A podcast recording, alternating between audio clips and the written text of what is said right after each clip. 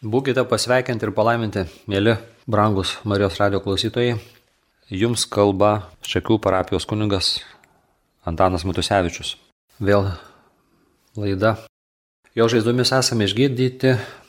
Šiandienį kalbėjimą pasvarstymą norėčiau pavadinti. Mane viešpats gano, man nieko nestinga. Ir ypatingai pabrėžti vieną eilutę toje psalmėje, kuri man viena iš gražiausių. Būtent niekeliaudamas lėnių tamsiausio aš nebijosiu, nes tu, draugė, būsi. Gal ne tik apie tai, apie tą tamsų slėnį netiek kalbėsime, bet mintis būtų ta, kad viešpats Dievas visada yra su mumis. Visais mūsų kelionės etapais, panašiai kaip girdėjome visai neseniai apie Emauso mokinius, tai viešpats tikrai visada su mumis eina, tikrai visada mumis rūpinasi ir tikrai visada mus veda savo pergalės eisenoje. Mūsų laidos tikslas, formatas yra kalbėti apie gydimą, apie tai, kad viešpas gydo, apie tai, kad esame išgydyti jo žaizdomis, išganyti, išgydyti.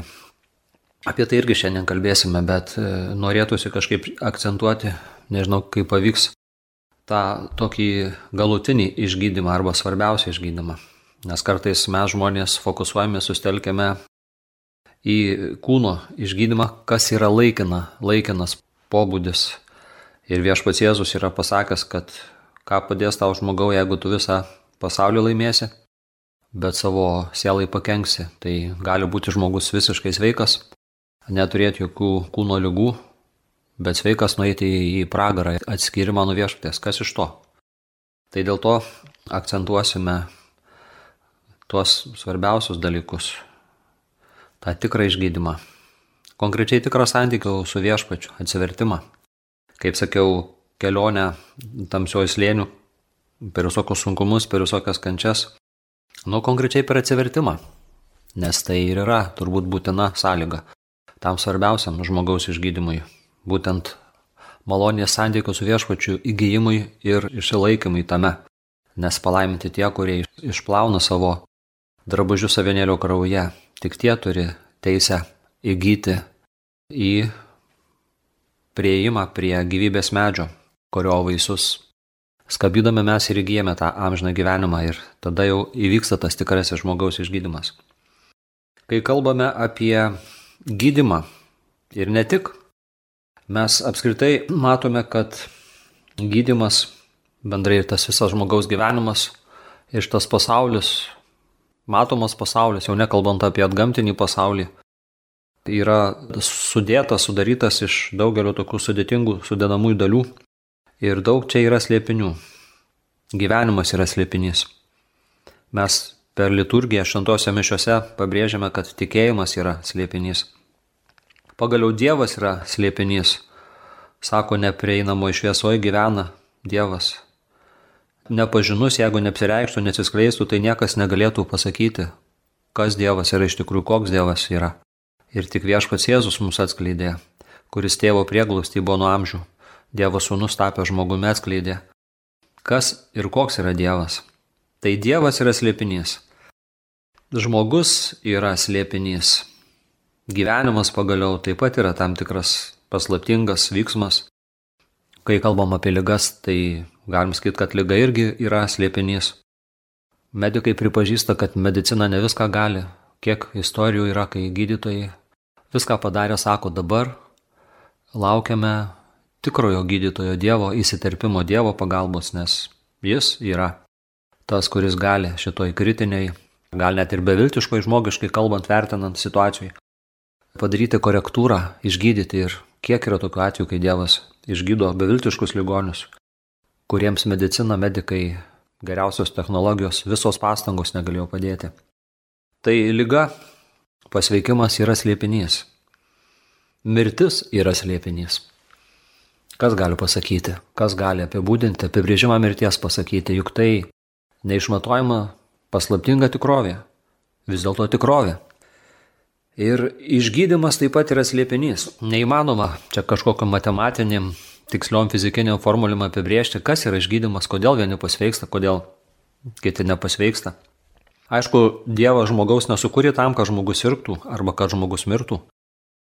Bet kaip mes matome, nors bažnyčia deda visas pastangas, kaip galima daugiau žmonių išgydyti, čia kalbam apie žmogaus fizinį kūno išgydymą, organizuojamos specialios pamaldos, atvyksta misionieriai, kurie turi ryškiai spindinčią gydimo dovaną, ją naudoja, daugybė žmonių susirenka į tuos maldos dėl išgydymo susitikimus, daug ligonių pasveiksta, bet yra ir nemažai tokių, kurie nepasveiksta. Galbūt kalbėti apie gydimą būtent iš tokios perspektyvos ir pažadino pasidalinimas neseniai Kaune. Gyvekmenys organizavo tokią atsinaujinimo dieną, kur svarbiausias akcentas ir buvo malda dėl išgydymo, daugiau dėl kūno išgydymo. Ir kažkas pasidalino ten dalyvavęs, kad mačiau, sako, kai kuriuos liūdnus žmonės, kurie turbūt su didelė viltimi į tą mm, susitikimą atsinaujinimo dieną atvyko, bet nepatyrė išgydymo, fizinio išgydymo ir sako, labai tokie prislėgti ir nusiminę grįžo, išėjo iš tos salės. Tai tikrai kartais mes per daug akcentuojame tuos išgydymus arba per daug lūkesčių sudedame, tikėdamiesi pasveikti. Jėzus Kristus vaikščiodama žemė ne visus žmonės išgydė. Ir šiandien Jėzus ne visus išgydo, nes iš tikrųjų kokie galingi būtų tie gydimo dovana, labai stiprią, turintys žmonės, išgydymo tarnautojai, bet iš tikrųjų tai gydo viešpats Jėzus, ne koks nors vyras ar moteris gydo, net ne bendruomenė gydo, bet Dievas per bendruomenę, per jos maldą ar per kokį žmogų, kuriam Dievas suteikė tą specialią gydimo dovaną. Gydo ne ta žmogus, ne ta dovana, bet pats viešpats. Tai labai svarbu, kai kalbame būtent apie tos dalykus, kad ne visi žmonės pasveiksta. Labai svarbu pabrėžti, kad e, tai nėra pats svarbiausias, kaip jau esu šiandien paminėjęs, svarbiausias mūsų tikslas. Ir dėl to nereikėtų suabsoliutinti sureikšminti, pervertinti išgydymų, ypatingai tų kūno išgydymų. Neusiciklinti, neusifiksuoti šitame dalyke. Nors dabar yra daug žmonių, kurie apie tai labai daug kalba ir tiesiog gal savo net svarbiausių tikslų laiko išgydymą. Nieko keisto, kad žmonės atlieka šią tarnystę, kad žmonės apie tai kalba, nes taip pat akivaizdu, kad nemažai yra nežinios šitam klausime, šitam reikale. Ir tikėjimo dažnas žmogus tokoja, galėtų būti išgydytas, Dievas trokšto žmogų išgydyti, bet žmogui stinga tikėjimo. Bet taip pat labai akivaizdu, kad nemažai žmonių per daug pervertina šitą dovaną arba iš tikrųjų per daug akcentuoja. Tokiu būdu nuvertindami kančios prasme, nes mes nesuprantame, kodėl Dievas neišgydo kai kurių žmonių, nors atrodo visos sąlygos e, būtų tinkamos. Čia prisimenu vieną e, Junktinių Amerikos valstybių bendruomenę, kur susirgo vienas tos bendruomenės narys, šiaip visą laiką pasižymėjęs labai gera sveikata, niekada nesirgęs, nežinia kiek jam buvo metų, kai susirgo onkologinė lyga. Bendruomenė meldėsi, labai daug žmonių meldėsi ir įvyko, atrodo, stebuklas, o gal ne stebuklas, sunku pasakyti, bet e, žmogus pasveiko. E, visi aišku labai džiaugiasi, Dievui dėkoju, šlovinu jį, bet už kiek laiko lyga vėl pasikartojo, atsinaujino ir ta lyga baigėsi mirtimi. Nors atrodo tikrai visos sąlygos pasveikimui buvo įvykdytos, įgyvendintos. Nesuprato bendruomenė žmonės, kaip čia atsitiko, kokia čia priežastis buvo, jam buvo toks, nu, nemažas šokas, buvo priblokšti, apstulbinti. Bet tiesiog turėjo atsistoti prieš tą faktą, kad gydimas ir žmogaus gyvenimas ir Dievo valia yra slėpinys. Negalima atsakyti į visus klausimus. Neturim atsakymų į visus klausimus. Tik tai Dievas viską žino. Tik tai slėpiningi Dievo keliai, kuriais jisai veda bažnyčią ir kiekvieną žmogų galiausiai paaiškės ten amžinybėje. Taigi, nesuabsoliutinti, nesureikšminti, nepervertinti. Kaip sakiau, neusiciklinti tame. Bet jeigu kalbam apie išgydymą, tai gydimas yra dviejopas. Čia kalbam apie tokią klasikinę vakarietišką žmogaus sampratą, graikų filosofinės įtakos suformuota. Tai būtent apie kūno ir sielos išgydymą. Dievas gydo ir žmogaus kūną, ir žmogaus sielą, bet e, jeigu kalbame bibliškai, bažnytiškai, tai Dievas gydo visą žmogų. Jėzus išgydė, išganė visą žmogų mirdamas ant kryžiaus. Aišku, galutinis išgydymas, išganimas įvyks laikų pabaigoje, kai žmogus bus prikeltas, tai tada jau nebebus nei mirties, nei jokių lygų, nei kančios, visas tas blogis, visos tos nuodėmės pasiekmės, nes lyga yra viena iš nuodėmės pasiekmių, bus pašalintos. Galutinis gyvenimo triumfas bus pasiektas ten, amžinybėje. Taigi kūno ir sielos gydimas. Vidinis ir išorinis gydimas taip pat, apie tai galima kalbėti. Ir kai kalbame apie išgydymą, tai tas vidinis yra būtinesnis arba svarbesnis. Labai dažnai netgi žmogaus kūnas išgyja, kai išgydoma žmogaus dvasia, žmogaus siela, žmogaus vidus arba žmogaus širdis. Ir labai svarbu iš tikrųjų, kad mes to niekada nepamirštume, kad mums reikia pirmiausia to vidinio e, išgydymo. Labai dažnai tą galima išgydymą pavadinti ir tam tikrų protų išgydymu arba požiūrių išgydymu. Visai neseniai turbūt kalbėdamas su vienu žmogum, kuris man pristatė apie gyvo akmenų organizuojamą renginį ir pats planavo ten dalyvauti. Mes kalbėjome apie visokius gydimus, tai kažkaip iškėlė viešpas Dievas, po to pokalbio gerim su to žmogum arbatą, kalbėjomės, bendravome. Ir paskui kažkaip suvokiau, kad e, manyje yra tam tikra nuoskauda gal, kaip kunigo tam tikras įsiskaudinimas galbūt šiek tiek, gal piktis ant Dievo, kodėl viešpats manęs nenaudoja, kaip tarkim kitų kokių gydimo tarnautojų, nors tas žmogus paskui man priminė vieną atvejį iš jo netolimos aplinkos, suteikiau artimam žmogui. To žmogaus ligonio sakramentą ir sako, tas sakramentas teikia sveikatą, tas žmogus, kuris priėmė šį sakramentą, gavo Dievo malonės, gavo sveikatą. Bet man vis kažkaip atrodo, kad dar galėtų Dievas e, kažkaip stipriau veikti, akivaizdžiau veikti. Vis kažkoks toks tarsi nepasitenkinimas, tarsi šioks toks piktis ant Dievo. Kodėl jisai neveikia taip, kaip aš norėčiau? Nu tai matom, net ir kunigai turi savų tokių supratimų ar savo lūkesčių, kaip ir gal kiekvienas žmogus. Arba kodėl vėl Dievas išgydė ten kai kurios žmonės, o štai manęs, mano tam tikrų negalių neišgydo. Tai, kaip matot, sesės broliai, Dievas parodė man, kai reflektau tą mūsų pokalbį, pašnekėsi su to žmogumi, Dievas iškėlė tam tikras mano neigiamas situacijas arba neigiamą supratimą, neigiamą mąstymą, neigiamą požiūrį į Dievą, e, nepriimimą tam tikrų dalykų arba pyktį, pyktį ant Dievo, kodėl jisai neveikia taip, kaip norėčiau, arba pyktį netleidimą Dievui, kodėl jisai nedaro to, ką aš norėčiau, kodėl manęs negydo kai kurių mano negalių, arba kodėl Dievas gydo kitus žmonės, o čia gal ir pavydas kažkoks, tai vad labai žmogiški dalykai, labai žmogiški reiškiniai. Tai pamačiau, kad man reikalingas tas proto išgydymas. Taip ir noriu pavadinti - proto išgydymas. Supratimo išgydymas. Ir tikro santykio su Dievu išgydymas, kad Dievas atstatytų tą santyki, kurį tam tikras piktis, tam tikras įsiskaudinimas, neįsisamonintas, o tai reiškia ir tam tikras netleidimas, kas yra didelis blokas trukdis, kliūtis, kliuvinys e, žmogaus ir Dievo santykėje e, turėtų būti pašalintas. Taigi apie proto išgydymą arba proto atnaujinimą kalba labai dažnai šventos raštas tiek Senasis, tiek Naujasis testamentai. Laiške feziečiams, čia atkarpėlę paskaitysiu iš ketvirtos kiriaus, yra irgi labai gražiai kalbam apie tai, kad mes esame viešpaties Jėzaus jau padaryti naujais kūriniais, esame raginami apsivilkti naujų žmogumi. Ir čia kalbame apie proto atnaujinimo būtinybę. Paklausykime. Kalba apaštalas apie tai, kad mes iš Jėzaus išmokome, kokia yra tiesa Jėzuje. Privalu atsižadėti ankstesnio, seno žmogaus gyvenimo būdo, žlugdančio apgaulingais geismais, atnaujinti savo proto dvasę, apsivilkti naujų žmogumi sutvertų pagal Dievą teisume ir tieso šventume. Ir čia, kaip matome, kalbama apie tai, kad tas išgydymas įvyko, išnuodėmis išlaisvinimas, išnuodėmis išgydymas įvyko tada, kai mes įtikėjome Jėzų, kai pažinome tiesą, nes yra tik tai vienintelė tiesa. Ir mes žinome iš evangelisto Jono, kad Jėzus yra tiesa. Taip Jėzus save vadina, aš esu kelias, tiesa ir gyvenimas.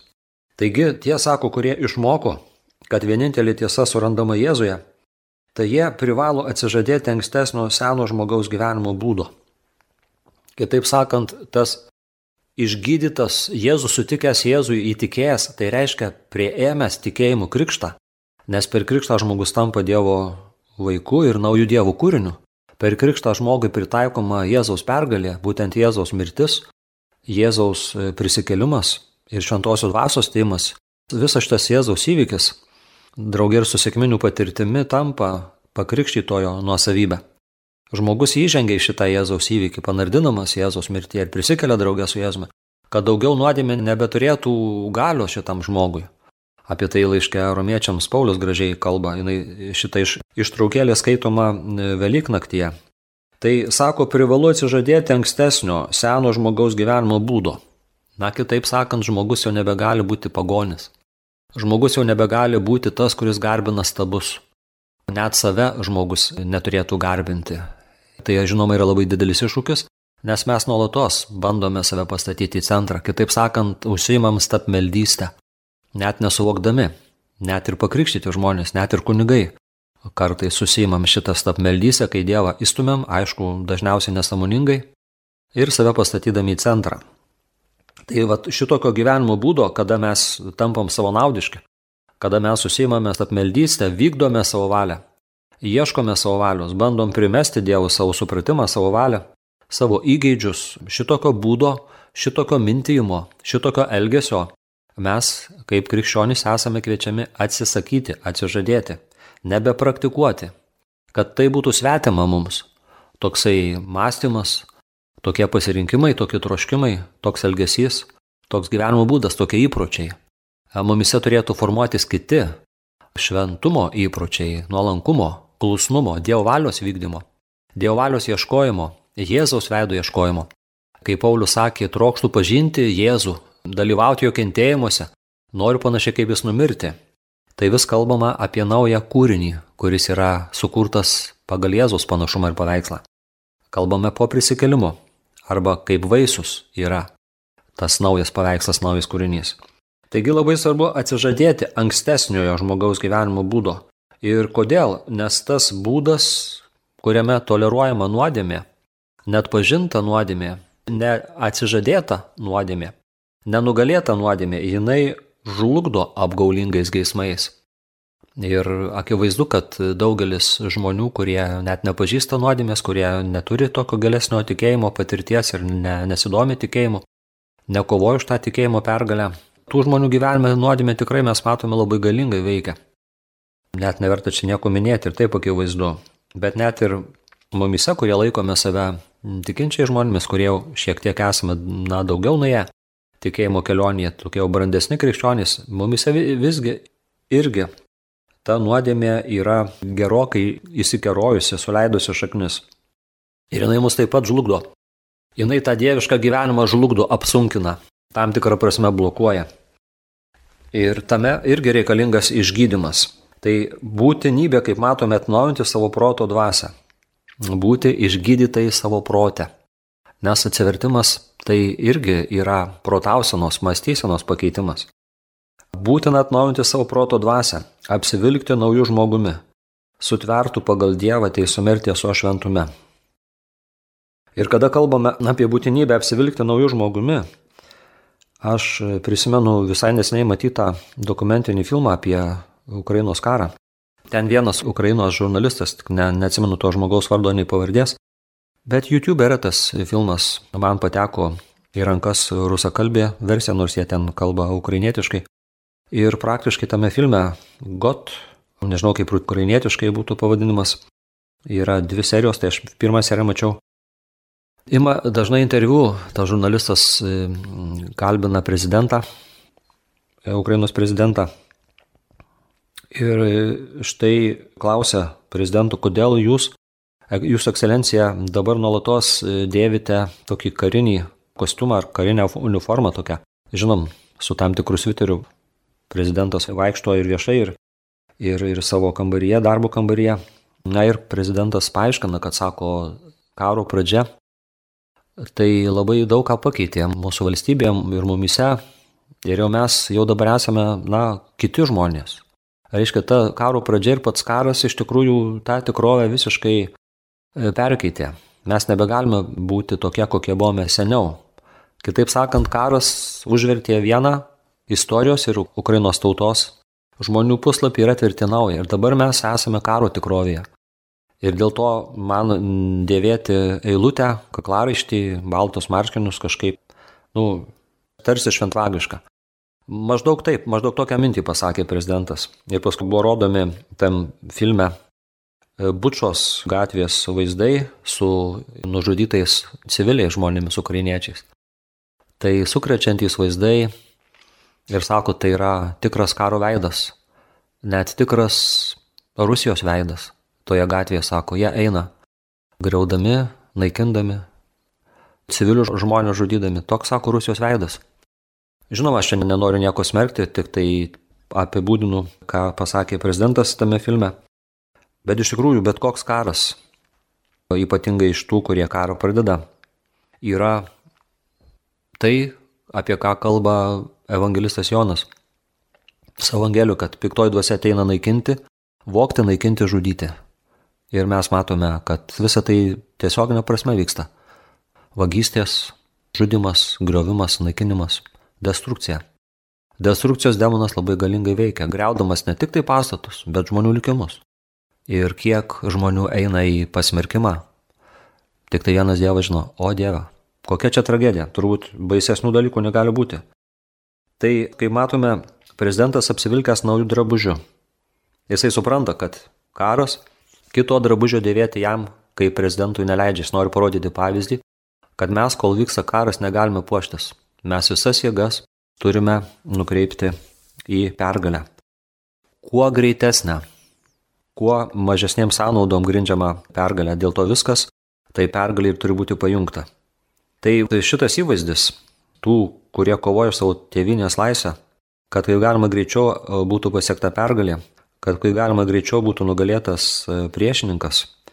Šitas pavyzdys jis labai tinka mūsų dienomis, nes nuodėmė labai plačiai įsikerojusi, nuodėmė iš tikrųjų puola mus, skverbėsi į bažnyčią, prasiskverbia dažnai.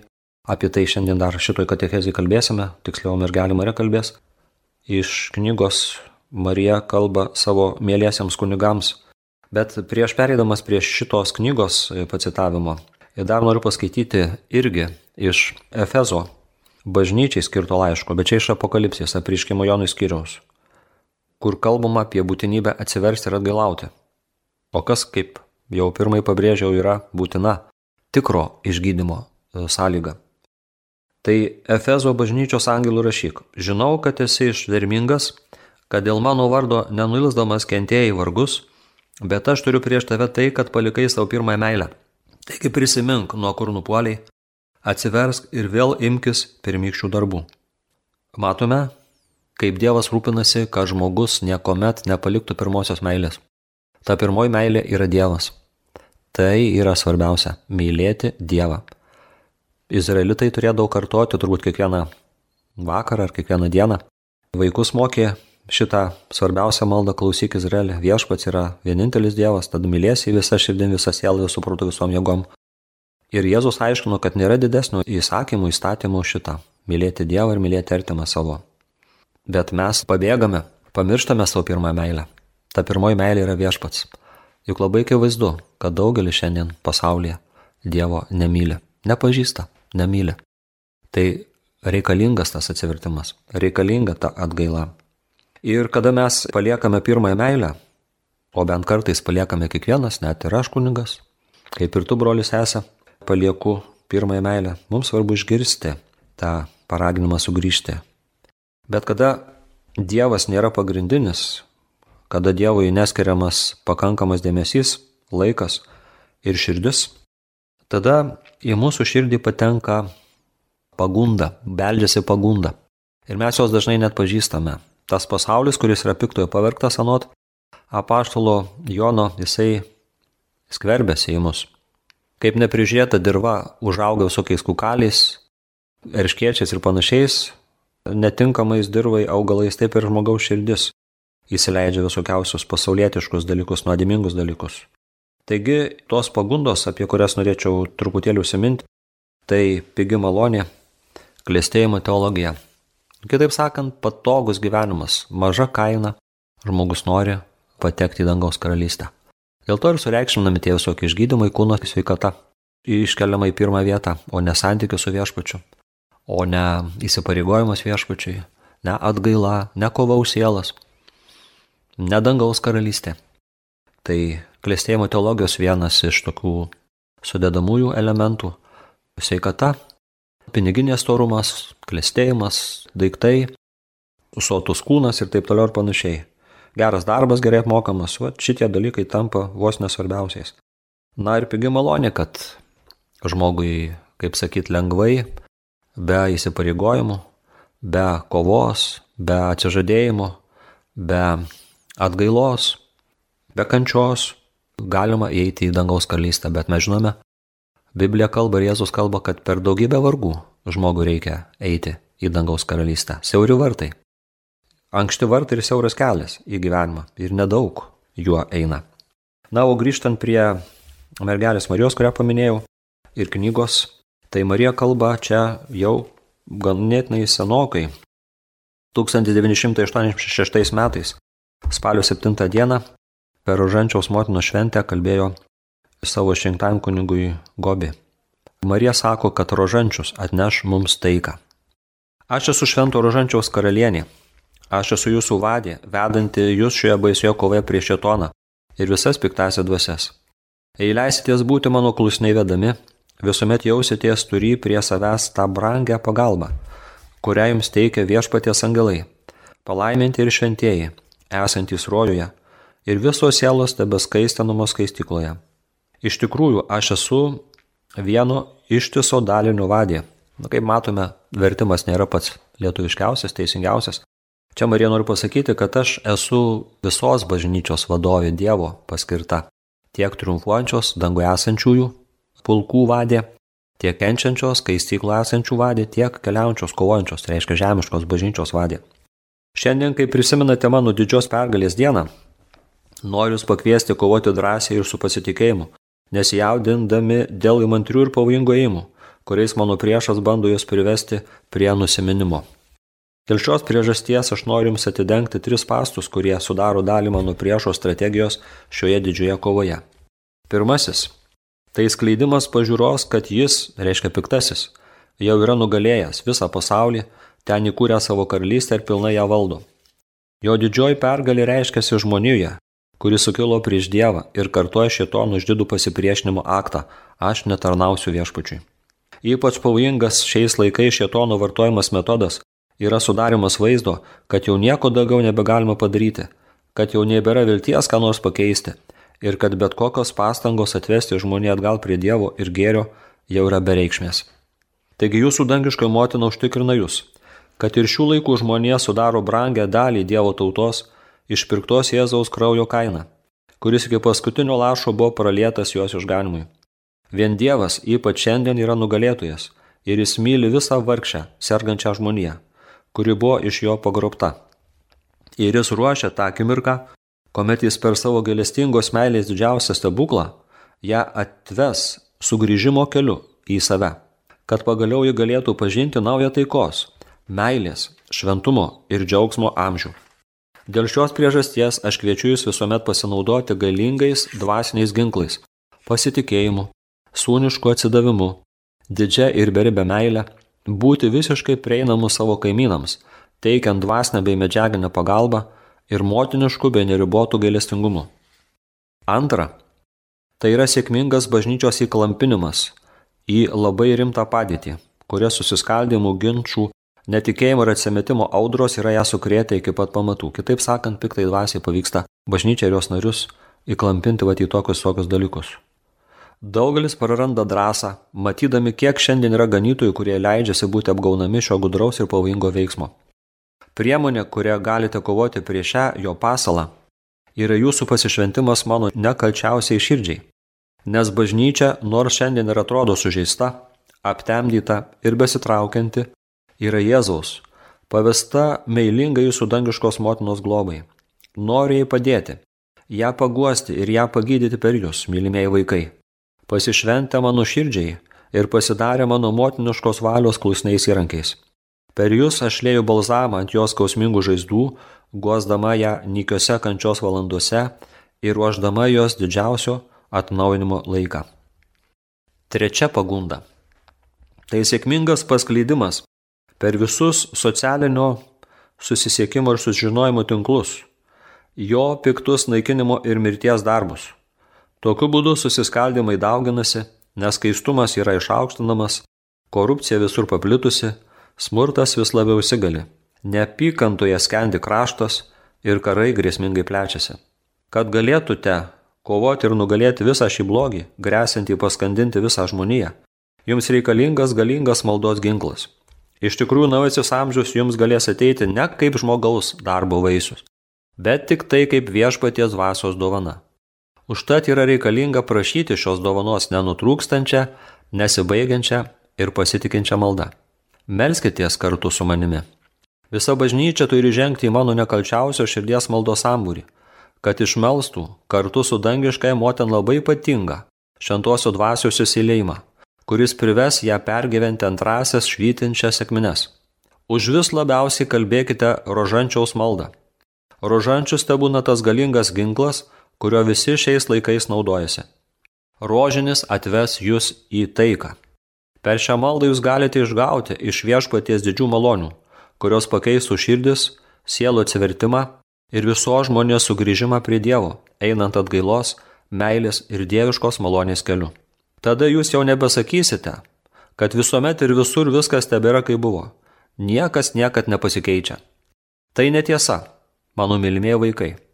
Kasdieną, tyliai ir paslėptai, dangiškoji motina veda kovą prieš savo priešą ir veikia per nuostabiausius ženklus ir pasireiškimus, kad pakeistų pasaulio širdį. Taigi mes matome, mėly Marijos radio klausytojai, kad svarbiausia bažnyčios misija yra sielų išganimas. Todėl kiekvieno krikščionių pašaukimas būti išganimo įrankiu.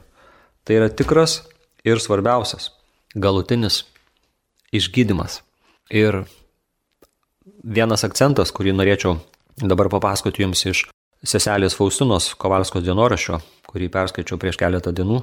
Jis irgi pabrėžia šitą sielų gelbėjimo misiją, kuri yra pagrindinė bažnyčiai ir kiekvienam krikščioniui, kiekvienam dievo vaikui. Tai seselė Faustina vieną dieną buvo paėmusi rankas vašelį, nėrinius, nėrė Ir buvo labai giliai taip širdim prigludusi prie viešpatė širdies ir jai atėjo toksai troškimas paprašyti, kad viešpats išgelbėtų tiek sielų šiandieną, kiek aš, kukli tavo vienuolį, nuolanki tavo tarnaitė, išmeksiu tų kilpelių, kilpučių savo vašeliu. Taip jinai ir pasakė Jėzui. Gal Jėzus nusišypsojo, nežinau, bet Jėzus pasakė, kad mano dukra prašai neįmanomų dalyko. Ir paaiškino Jėzus, kad sielas laimėti tai nėra taip paprasta reikalinga auka. Jeigu norime laimėti sielas, reikalinga auka, atsižadėjimas. Tada seselė vienuolį pasakė Jėzui, kad tu žinai viešpati, kad aš sutikčiau dėl tavęs aukotis, griežtus apsimarinimus praktikuoti, kokius pasninkus, gal dar kokias aukas sudėti, bet man vyresnybė dėl mano silpnos sveikatos to neleidžia. Tačiau Jėzau aš vardan klusnumo nesimu tokių griežtų apsimarinimų arba griežtų atgailos praktikų ir noriu aukoti tau savo klusnumą. Tugi žinai, kad tavo tarnaitė stengiasi būti klusni. Viešpačiu patiko toks seselės Faustinos atsiliepimas ir jis sako, gerai, išklausiau tave, dukra mano. Te būna tau, kaip prašai, kiek išmeksi tų kilpučių, tiek šiandien bus išgelbėta sielų. Taigi matome, kaip svarbu gelbėti sielas, kaip svarbu būti tokio gydimo, išganimo dalininkais. Ir visiškai pabaigoju kaip vainiką ant to, ką bažnyčia mums kalba. Ką aš čia bandžiau kaip bažnyčios tarnas kunigas pasakyti. Kaip vainikas te būna viltingi žodžiai iš apokalipsės apriškimo, kuri šiuo Velykų laikotarpiu dažnai yra skaitoma liturgijoje.